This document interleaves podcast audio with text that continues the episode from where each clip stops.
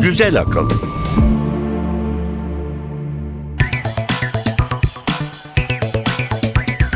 Güzel Akıl 25. bölüme hoş geldiniz. Ben Emre Üç Kardeşler. Ben Elif Yılmaz. Bakalım bu hafta bilim ve teknoloji dünyasında neler oldu, biz nelerden bahsedeceğiz. Bir tanıtımımız var, önce onu dinleyelim. Güzel akılda bu hafta. Alzheimer hastası olduğunuzu öğrenmek için yaşlanmayı beklemenize gerek yok. Akıbeti 20 yıl önceden görmek erken teşhis olanağını arttırıyor.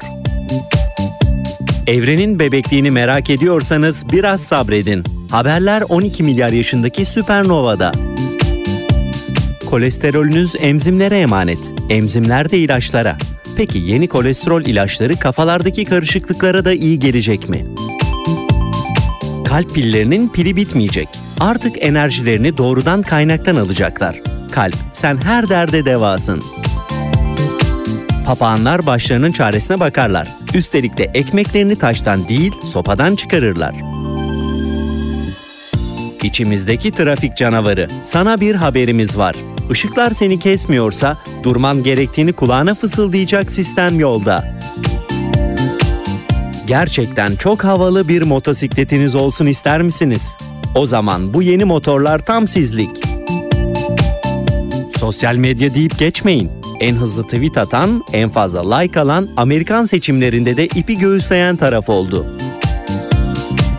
Bilim ve teknoloji tarihinde bu hafta neler oldu? Cahillikler Köşesi ve bir portre. Ernst Rutherford kimdi? Hangi asla değişmezi değiştirmişti? Hiçbir simyacının yapamadığını nasıl başarmıştı? Ardından gelenlere nasıl bir hediyesi vardı? Güzel akıl.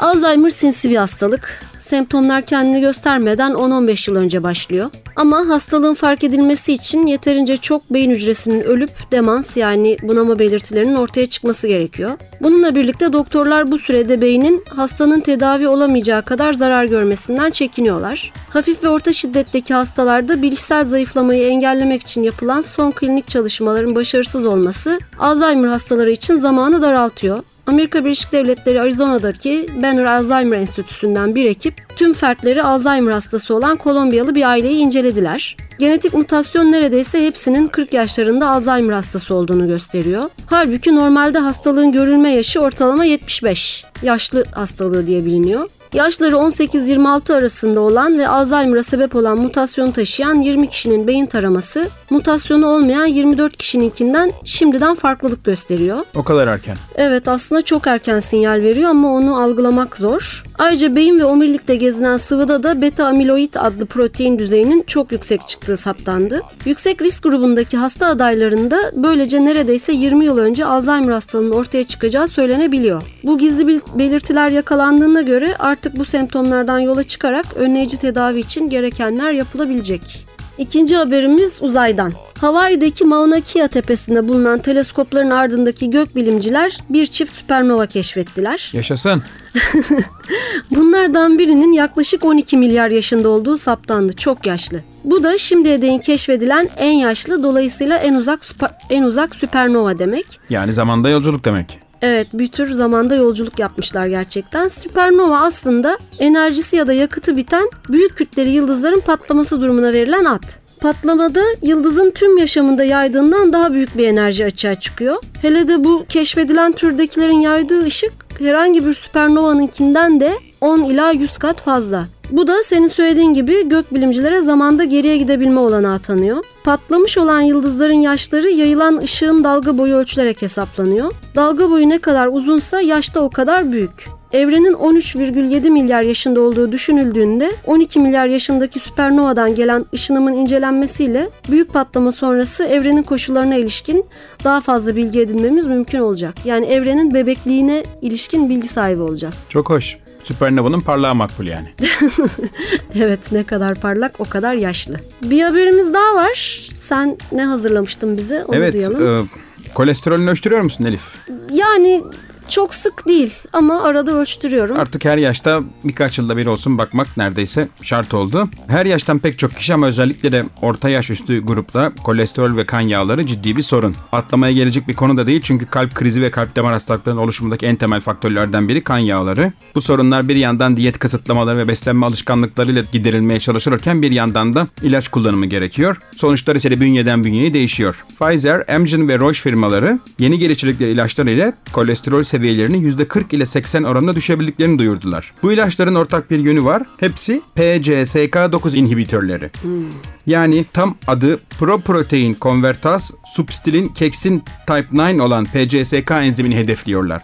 Bu enzim vücudumuzdaki PCSK9 geni tarafından üretiliyor ve bu enzim sayesinde damarlardaki yağlar ve kolesteroller daha uzun kalıyorlar. Bu belki de evrimsel açıdan bir korunma mekanizması. Hı hı. Ama modern çağdaş insan için bu koruma mekanizması tersine dönüyor ve damarlarda gereğinden fazla kan yağları ve kolesterol birikmiş oluyor. Bu ilaçlar henüz deneme safhasındalar. Daha belki 5-6 yıl var piyasaya çıkmalarına ama daha önceki kuşak ilaçlara göre çok daha verimli oldukları görünüyor. Aslında bu kolesterol ilaçlarıyla ilgili tartışmalar da her gün alevleniyor. Her, her kafadan başka bir ses çıkıyor. Umarım halkın kafasını karıştırıcı bu bilgi kirliliği içinde gerçekten işe yarar bir şeyler üretilebilir. Üçüncü haberimiz yine sağlıkla ilgili. Yumurta mı tavuktan, tavuk mu yumurtadan, pil mi kalpten, kalp mi pilden bu soruları çoğaltmak mümkün biliyorsun. Ama bu defa soru ciddi. Kalp atışlarını düzenlemek için genellikle kalp pili dediğimiz aygıtlar kullanılıyor ki bunlar da aslında pille çalışıyor. Biz Türkçe'de kalp pili demişiz aslında gerçek ismi evet. biraz daha farklı ama ilginç şekilde pil adını uygun görmüşüz. tıkır tıkır çalıştırıyor ya ondan herhalde. Bu nedenle de belli sürelerde yenilenmeleri gerekiyor pil kullandıkları için. Bu da ortalama 7 yılda bir yeni bir ameliyat demek. Fakat Michigan Üniversitesi'nden araştırmacılar bu soruna uzaklarda çözüm aramanın anlamsızlığını keşfettiler. Burada güp güp atan bir kalp varken neden yararlanmayalım deyip kalp atışlarını bir enerji kaynağı olarak kullanmayı akıl ettiler. Kalp atışı simülasyonuyla yapılan denemelerde kalp pilini çalıştırmaya yetecek elektrik üretildi. Şimdi gerçek kalp üzerinde özel malzemeden ürettikleri bu pili deneyecekler. Ama tabii kullanıma sokulması için öncelikle klinik deneylerin titizlikle tamamlanması gerekiyor. Şakaya gelmeyen bir konu. Fakat eğer uygulamaya geçerse pek çok kalp pili kullanan hasta için çok kolaylaştırıcı bir çözüm olacak. Tabii evet mutlaka. Yani tekrar tekrar o ameliyat eziyetini yaşamayacaklar. Hayvanlarla ilgili bir haberimiz var. Aa, Geçen hafta güzel. hatırlarsın Korece konuşan fil, şarkı söyleyen beyaz balina derken bu haftada alet kullanabilen papağan sahnelerin yıldızıydı. Figora adlı Avustralya tepeli papağanın bir daldan ince parçalar koparıp kafesinin ardındaki yiyeceklere uzandığı araştırma ekibince defalarca gözlemlendi. Yani hayvan bunu tesadüfen yapmıyor, bilinçli olarak ekmeğini gerçekten sopadan çıkarıyor. Kargalar tabii çok acayip hayvanlar. Onların doğada alet yapıp kullandıkları biliniyordu ama Oxford Üniversitesi'nden Profesör Alex Kaselnik daha önce kimse bir papağanın daha sofistike amaçlar için kullanmak üzere biçimsiz bir tahtadan alet yottuğunu bildirmemişti diyor. Aslında Figaro'nun yeteneği tesadüfen fark ediliyor. Bir gün çakıl taşlarıyla oynarken kafesin diğer tarafına düşürüyor ve gagayla yapılan hamleler yeterli olmayınca etraftan bulduğu bir daldan yararlanıyor. Bunun üzerine farklı deneylere tabi tutuluyor. Önce kısa bir sopayla kafesin dışına bırakılan fıstığı almaya çalışıyor. Ama başarısız olunca hemen kendine daha uzun bir dal yapıyor. Bu deneyler 3 gün boyunca ondan fazla kez tekrarlanıyor. Oysa alet yapıp kullanmanın çok daha yüksek bir zeka düzeyi gerektirdiği söylenir. Figaro da akıllı canım belki. Figaro akıllıymış evet başka türden papağanların arasında uzun yıllar yaşamasının kendi işini kendin gör ilkesini benimsemesinin ve dolayısıyla kendi aletlerini geliştirmesinin nedeni olacağı düşünülüyor. Halbuki papağan değil mi? Yani şu fıstığı bana uzatsanız demesi beklenir ama o da iyi. Figaro henüz konuşmayı bilmiyormuş. O yüzden kendi işini kendi görmüş. Şimdi bir şarkı dinleyelim mi? Eh madem kalp dedik, kolesterol dedik, Johnny Cash'ten dinleyelim Heart of Gold.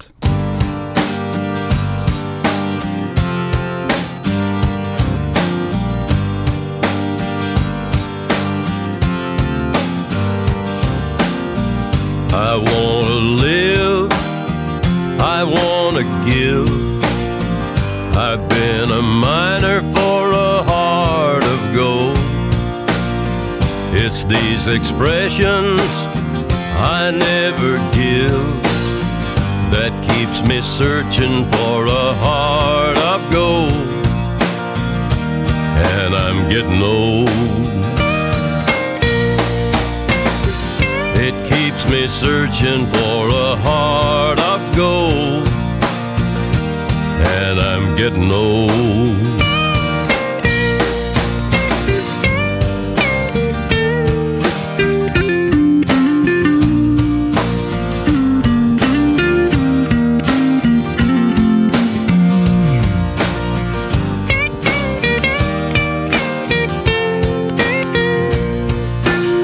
Güzel akıl.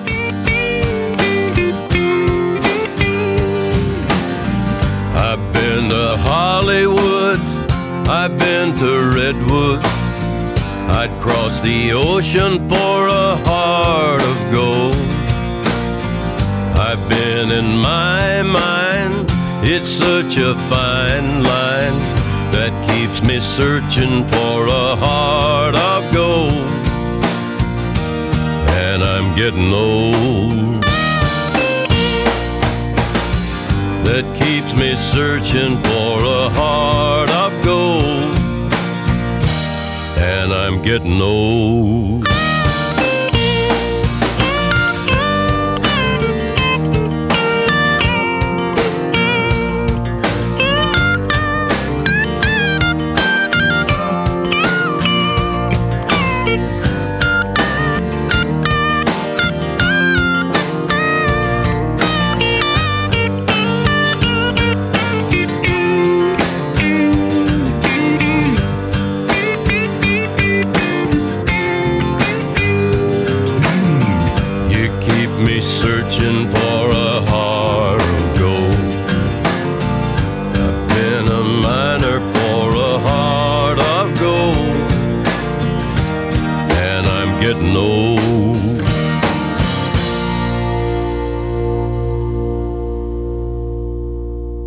Güzel akıl.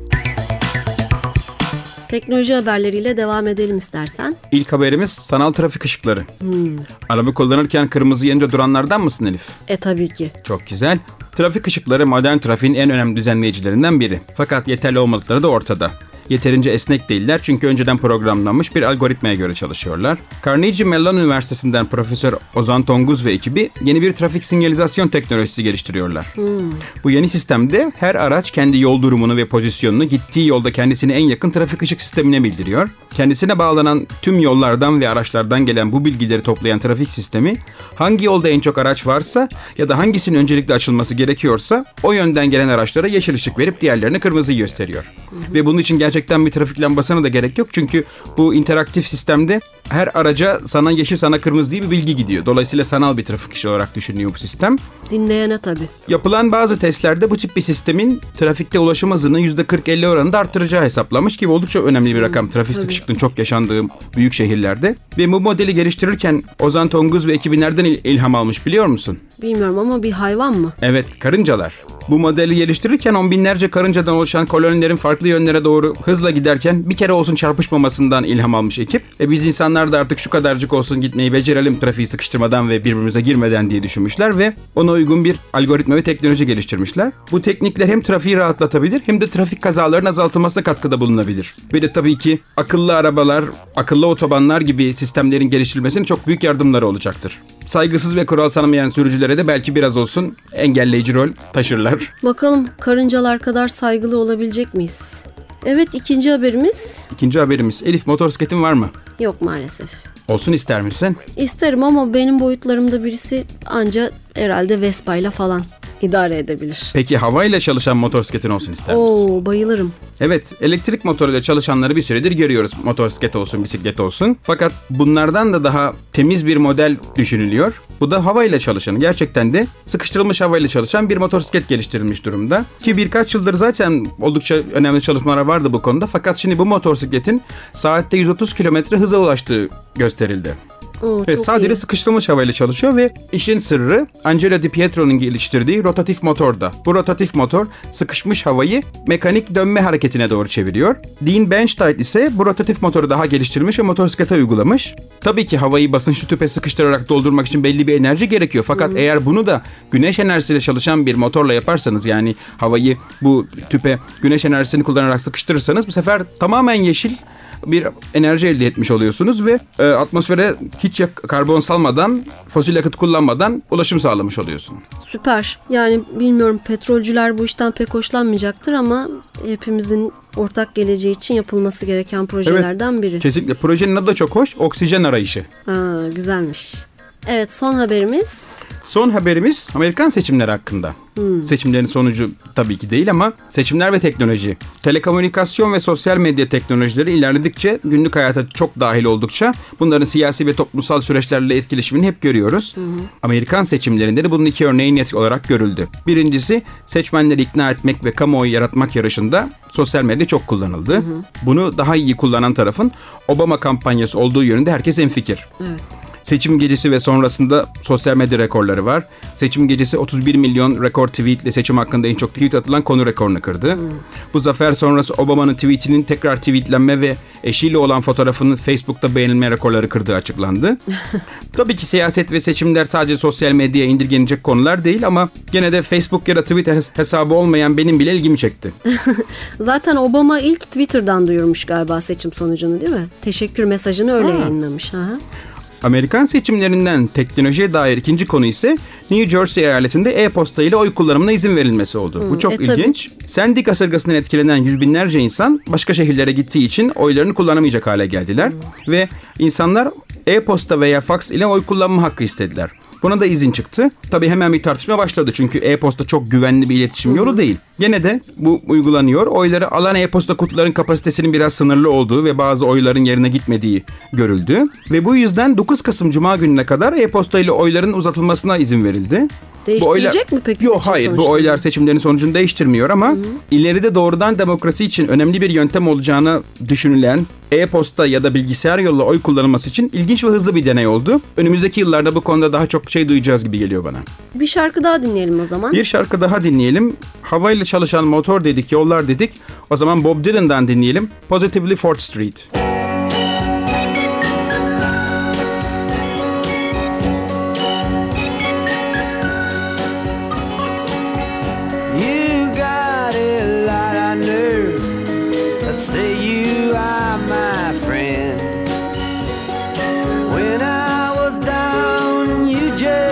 stood there grinning. You got a lot of nerve to say you got a helping hand to lend. Güzel akıl. You just want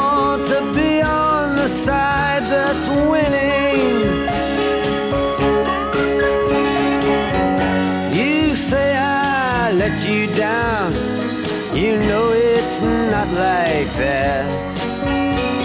If you're so hurt, why then don't you show it? You say you've lost your faith, but that's not where it's at. You have no faith to lose, and you know it.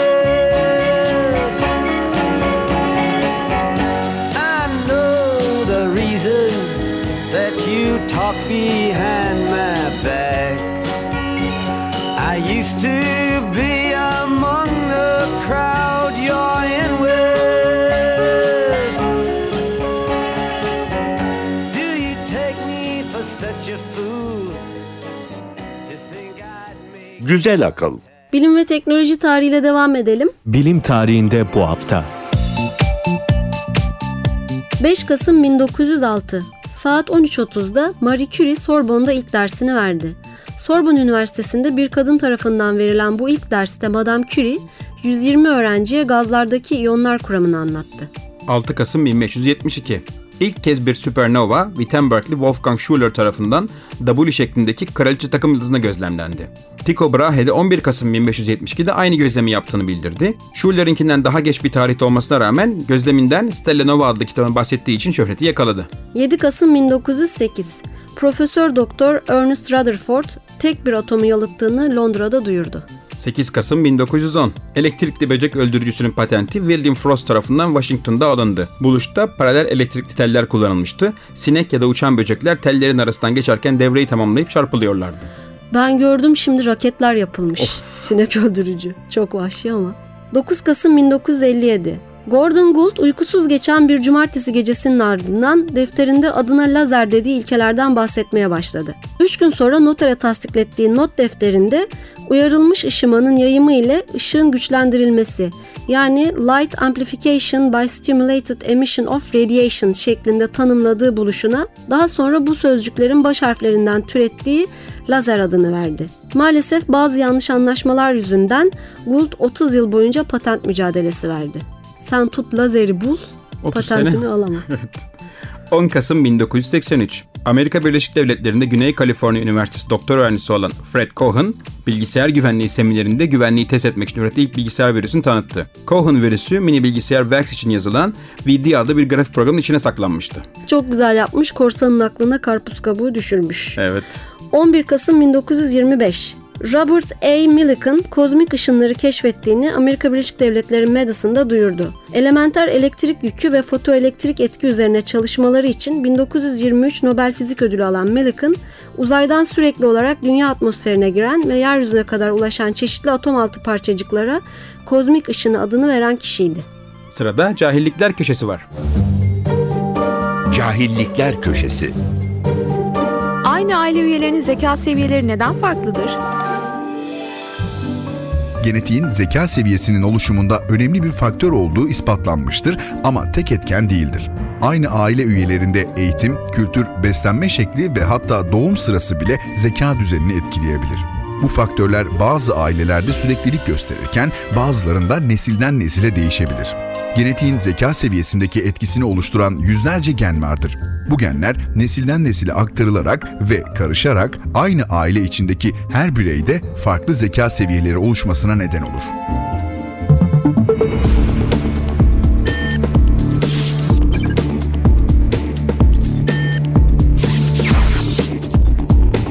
Güzel Akıl devam ediyor. Bu hafta portre köşemizde Ernest Rutherford'u konuşuyoruz. Ernest Rutherford, maddenin temel yapı taşının en büyük sırrını çözen en asil deneylerin insanı. Modern bilimin doğru yolu bulmasını sağlayan, yüksek öngörü sahibi, fizikçi, kimyacı, matematikçi, jeolog. Azimli, çalışkan ve inatçı dene ve bul insanı. Küçük bir köyden çıkıp tüm dünyayı zekasına hayran bırakan çiftçi. Atom fiziğinin en büyük dehalarını yetiştiren saygıdeğer hoca, nereden geldiğini asla unutmayan baron. Rutherford'a doğru koşar adımlarla ilerlerken kısa ama çok hızlı bir Chopin yorumu dinleyelim istersen Yevgeni Kisin'den.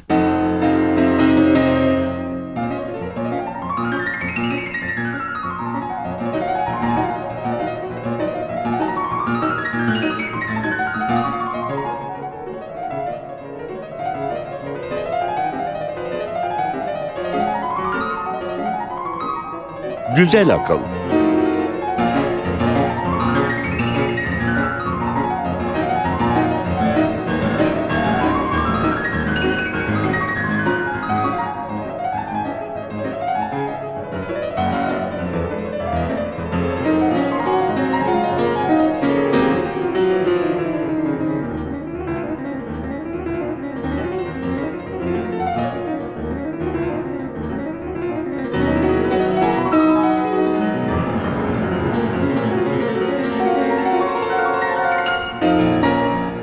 Güzel Akıl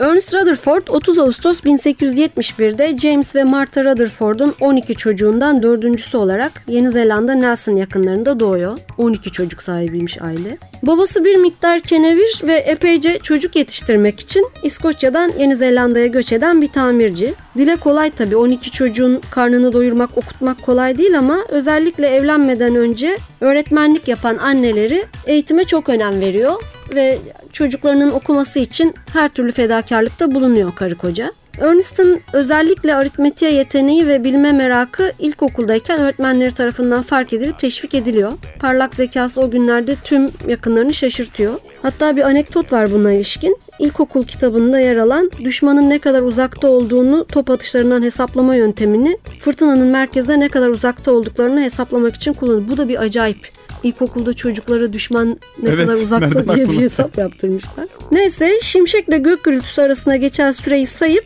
sonra onu sesin saniyede kat ettiği mesafeyle çarpıyor ve böylece çiftçi babasını fırtınanın ne zaman orada olacağı konusunda işte çocuk kalbiyle uyarmaya çalışıyor. Baba iki dakika içinde fırtına burada olacak diyor artık neye yarıyor bilmiyorum ama. Çiftlik ve değirmenlerde geçen mutlu günlerin ardından Ernest de abisinin peşinden Nelson College'a gidiyor. Burslu okuyor tabii. O dönemde ne kadar çok yardımsever insan varmış. Özellikle yetenekli ama yoksul çocuklar ki neredeyse büyük bilim insanlarının çoğu bu sayede okuyabilmişler. 1890'da Yeni Zelanda Üniversitesi Canterbury College'a gidiyor. Ön lisansın ardından matematik ve fizik okuyor. Okulda deneyici kişiliği hocaların da dikkatini çekiyor. Saniyenin yüz binde biri doğrulukta bir zaman ölçer yapıyor. Bu aygıtla demirin yüksek frekanslı akımda mıknatıslanabileceğinin mümkün olduğunu gösteriyor. Fakat sadece derslerdeki başarısıyla değil, e, sosyal kişiliğiyle de kendini gösteriyor. Rugby oynuyor. Amerikan futbolunun e, Avustralya, Yeni Zelanda'da oynanan bir türü. Diyalektik topluluğunda ve bilim topluluğunda da çok etkin. Üniversiteyi doya doya yaşamış. Yani hem zeki hem çalışkan olmanın avantajı işte. 1894'te matematik ve fiziğe ek olarak jeoloji ve kimya okuyor. Ve tabii bu parlak ışık ta İngiltere'ye kadar ulaşıyor. Cambridge Üniversitesi'ne bağlı Cavendish laboratuvarlarında zamanın çok meşhur bilim insanı J.J. Thomson'la birlikte çalışmak için burs teklifi alıyor. Koşa koşa gidiyor tabii. Hatta deniyor ki teklif geldiğini ilk tarlada duyuyor. bu ektiğim son patatestir diyor. Ve gidiyor İngiltere'ye. Tarlada kullandıkları patates ekmek için kullandıkları bir cihaz galiba hala bir yerlerde tutuluyor bu müzede. Öyle mi? Evet, bir yerlerde. Yeni Zelanda çok sahip çıkıyor zaten Rutherford'a. O da ülkesine sahip çıkmış zamanında. Thomson'dan bahsedelim. O Cavendish laboratuvarının müdürü o sıralarda. Thomson elektriğin oksijensiz gaz ortamında iletimi konusunda çalışıyor. 1897'de de elektronu keşfediyor ve 1906'da Nobel Fizik Ödülü alıyor. Rutherford böyle bir üstadın yanında ve böylesine zengin bir akademik ortamda Yeni Zelanda'dan gelmiş bir çiftçi çocuğu olarak kendini önceleri garip hissediyor ama kısa sürede alışıyor ortama ve Hemen yerini sağlamlaştırmış. evet kendini kanıtlıyor orada da. Bizzat Thomson'ın deneyinde çalışmaya başlıyor. Radyoaktif atomlarla çalışıyor daha çok ve deneysel zekası Thomson'ı da etkiliyor. Fakat parasız. Para vermiyorlar pek fazla. Az para veriyorlar. Hatta bu nedenle sevdiği kızla evlenemiyor. 1898'de Kanada Montreal'deki McGill Üniversitesi'nden gelen profesörlük teklifini Cavendish'teki ortamı bırakmak çok zor gelse de kabul ediyor. O dönemde McGill çok önemli bir çekim noktası her türden bilimci için. Sosyal bilimciler olsun, fen bilimleri olsun. Çok iyi burslar veriyorlar ve sadece burs değil genç bilim adamlarına profesörlük, büyük araştırma imkanları ve e, oldukça iyi bir altyapı sunmuşlar. Dünyanın beyin- dört bir yanından McGill'e öğrenci ve hoca akımı var. Beyin göçü o zamandan başlamış demek ki. Kanada'ya gidince önce Yeni Zelanda'da bıraktığı nişanlısını yanına alıyor ve evleniyorlar. Nişanlısının soyadı da enteresan. Mary Georgina Newton. bir akrabalığı yoktur herhalde Newton'un ama yalnızca bir çocukları oluyor. Kanada'da yaptığı ikinci iş aslında üç önemli bilimsel çalışmasının ilki. Asistanı Frederick Soddy ile birlikte o güne değin kat'i olarak inanılan atomun değişmezliği ilkesini yerle bir ediyorlar. Rutherford ağır atomların daha hafif ve kimyasal olarak farklı atomlara bozunabileceğini gösteriyor. 1904'te Radyoaktivite adlı kitabını yayımlıyor ve burada kuramını ve deneyini ayrıntılarıyla anlatıyor. Bu kitabı 1906'da ve 1930'da diğer kitapları izliyor. McGill Üniversitesi'nde mucit kişiliği de iş başında. Otomobillerin caddelerde sebep olduğu titreşimi ölçen cihazın yanı sıra trenlerden istasyonlara kablosuz olarak telgraf göndermeyi sağlayan bir başka buluş daha yapıyor. Bu kadar önemli çalışmanın ardından Manchester Üniversitesi bu defa iyi bir maaşla ve profesör olarak Rutherford'u transfer ediyor. 1907'de Antoine Becquerel'le bilimsel bir tartışmaya giriyor. O dönemde çok meşhur bu bilimsel tartışmalar ve çok ilerlemeci sonuçları oluyor. Çok ilginç bak 19. yüzyılın sonunda artık fizikte keşfedilecek bir şey yok düşüncesi bir yere hakimken çok kısa bir süre sonra keşiflerin ardı arkası tekrar kesilmiyor. Radyoaktif maddelerden çıkan alfa parçacıkların tepkimeye girmeleri konusunda tartışıyorlar Becquerel'le. Bu iddia üzerine çalışırken atomun ortasında bir çekirdek olduğu tezini geliştiriyor Rutherford. Varsayımını sınamak için alfa parçacıklarının bir altın levhadan sekmelerini gözlemliyor. Böylece çok küçük, ağır ve elektrik yüklü bir çekirdeğin olduğunu kanıtlıyor. Ayrıca bu çekirdeğin ters yüklü elektronlarla çevrili olduğu görüşünü ortaya koyuyor. İşte bu tam anlamıyla atom yapısının modern anlamda algılanışının ilk örneği oluyor. Deneyi birazcık anlatalım istersen. Alfa parçacıkları azot atomları gibi daha hafif atom çekirdeklerine çarptıklarında geriye sekmeden çekirdekle kaynaşıyorlar ve azot atomu oksijen atomuna dönüşüyor. Bu kimyasal süreçte başka bir parçacığın ortaya çıktığını da özlemliyor Rutherford ve buna proton adını veriyor. Aynı zamanda bunun pozitif yani artı yüklü olduğunu da söylüyor. Böylece güneş sistemi biçimindeki modern atom modelini geliştiriyor. O yıllarda Rutherford deneyine kadar J.J. Thomson'ın hipotezi çok revaçta o yıllarda. Thomson'a göre elektronlar bir puding içindeki erik taneleri gibi daha böyle işte bir jelimsi bir yapının içinde yüzüyorlar. Ama Rutherford deneyinde elektronların bir yörüngede aralarında boşluklar doğarak hareket ettikleri gösteriliyor. Ve J.J. Thomson'ın hipotezinin doğru olmadığı kesinlikle gösterilmiş oluyor. Vay boynuz kulağa geçiyor yani. Kesinlikle. Elbette Nobel Komitesi bu önemli ve kelimenin tam anlamıyla çığır açıcı çalışmalara hak ettiği değeri veriyor. Rutherford 1908'de Nobel Fizik Ödülü'nün sahibi oluyor. Aslında henüz büyük çalışmasını gerçekleştirmeden Nobel ödülünü alıyor. Hatta böyle bir Nobel ödülü alan ilk bilim insanı. Bir de şöyle bir şey var. Ee, Şimdi bu biraz önce söylediğimiz güneş sistemi biçimindeki modern atom modelini 1911'de kanıtlıyor. Buna göre atomda artı yükler çekirdek adı verilen küçük bir hacimde toplanır. Ayrıca bu pozitif yüklü tanecikler kadar çekirdeğin çevresinde negatif yüklü elektronlar da vardır. Yani senin de söylediğin gibi J.J. Thomson'ın modeli böylece rafa kalkıyor. 1919'da Cavendish laboratuvarlarına bu defa müdür olarak dönüyor. Laboratuvar onun başkanlığında dünyanın en seçkin bilimsel ortamlarından biri haline geliyor. Çok verimli çalışmalar yürütülüyor gerçekten. Ayrıca çok da iyi bir hoca, çok değerli bilim insanları yetiştirmiş. Başta 1935'te Nobel Fizik Ödülü alan James Chadwick olmak üzere 1922'de yine Nobel Fizik Ödülü alan Niels Bohr, Geiger sayacının mucidi Hans Geiger ve atom bombasının babası da sayılan Robert Oppenheimer gibi hepsi bilimsel açıdan kendilerini kanıtlamış çok önemli çalışmalara imza atmış çok sayıda bilim insanı Rutherford'un gerçek anlamda hocalığında ve liderliğinde bu laboratuvarda yetişiyor. Ara sıra çok sinirlense de aslında çok iyi bir hoca olduğu söyleniyor. Genç bilim adamlarına yol gösterdiği, cesaretlendirdiği ve genç bilim adamlarının çalışmalarını onlara da çok net açık referanslar vererek hiçbirinin hakkını yemeyerek paylaştığı çok açık olarak biliniyor. Bir güzel özelliği daha var Rutherford'un. Akademik ve bilim dünyasında kadın bilim insanların haklarının yendiğini düşünüyor ve onların da hak ettikleri pozisyonlara gelmeleri için üniversite içindeki bir takım engellerin, kısıtların ya da kurumsal hiyerarşilerin kaldırılması için büyük çaba sarf etmiş. Ne güzel bravo gerçekten. Rutherford bunca başarının ardından çok sayıda ödül de alıyor elbette. Nobel dışında 21 fahri doktorluk ünvanı ve çok sayıda da başka ödüllü var. 1931'de baron ünvanı da alıyor. Nelson'lı Baron Rutherford diyor kendisine. Hatta annesine yazdığı bir mektupta diyor ki bu benden çok senin hak ettiğin bir ünvan. Haklarını veriyor. Ailesi de çok düşkün. Fakat maalesef 1937'de ağaç keserken kendini çok zorluyor ve fıtık şüphesiyle hastaneye kaldırılıyor. Ama ameliyat sırasında bağırsaklarında çok ciddi bir sorun olduğu anlaşılıyor. Birkaç gün içinde de 19 Ekim 1937'de yani 66 yaşında henüz çok gençken yaşama veda ediyor. Yaşamaya devam etseydi kim bilir daha neler bulacaktı. Değil mi? Evet. Külleri Sir Isaac Newton'un mezarının yanı başında Westminster Abbey'e gömülüyor. Bu çok fazla insana nasip olan bir şey değil. Gerçekten çok önemsiyor İngilizler bu Yeni Zelandalı çiftçi çocuğu. Ernest Rutherford bir elementi bir başka elemente dönüştüren ilk insan. Bu dönüşümü ilk gerçekleştirdikleri zaman biraz çekinmişler buna ne isim vereceğiz, nasıl anlatacağız diye. Çünkü siz bilim işini bıraktınız, iş simyaya döktünüz diye tepki ya da eleştiri alırlar diye de korkmuşlar. Ha, herkes hemen altın yap altın yap diye tutturur diye de korkmuş olabilirler.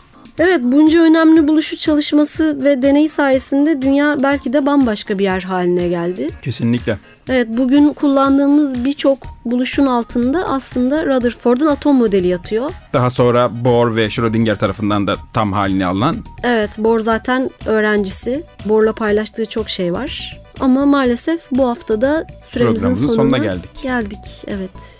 Bir şarkıyla bitirelim. E, bu kadar atom demişken Massive Attack'ten dinleyelim. Splitting the Atom. Hoşçakalın. Hoşçakalın.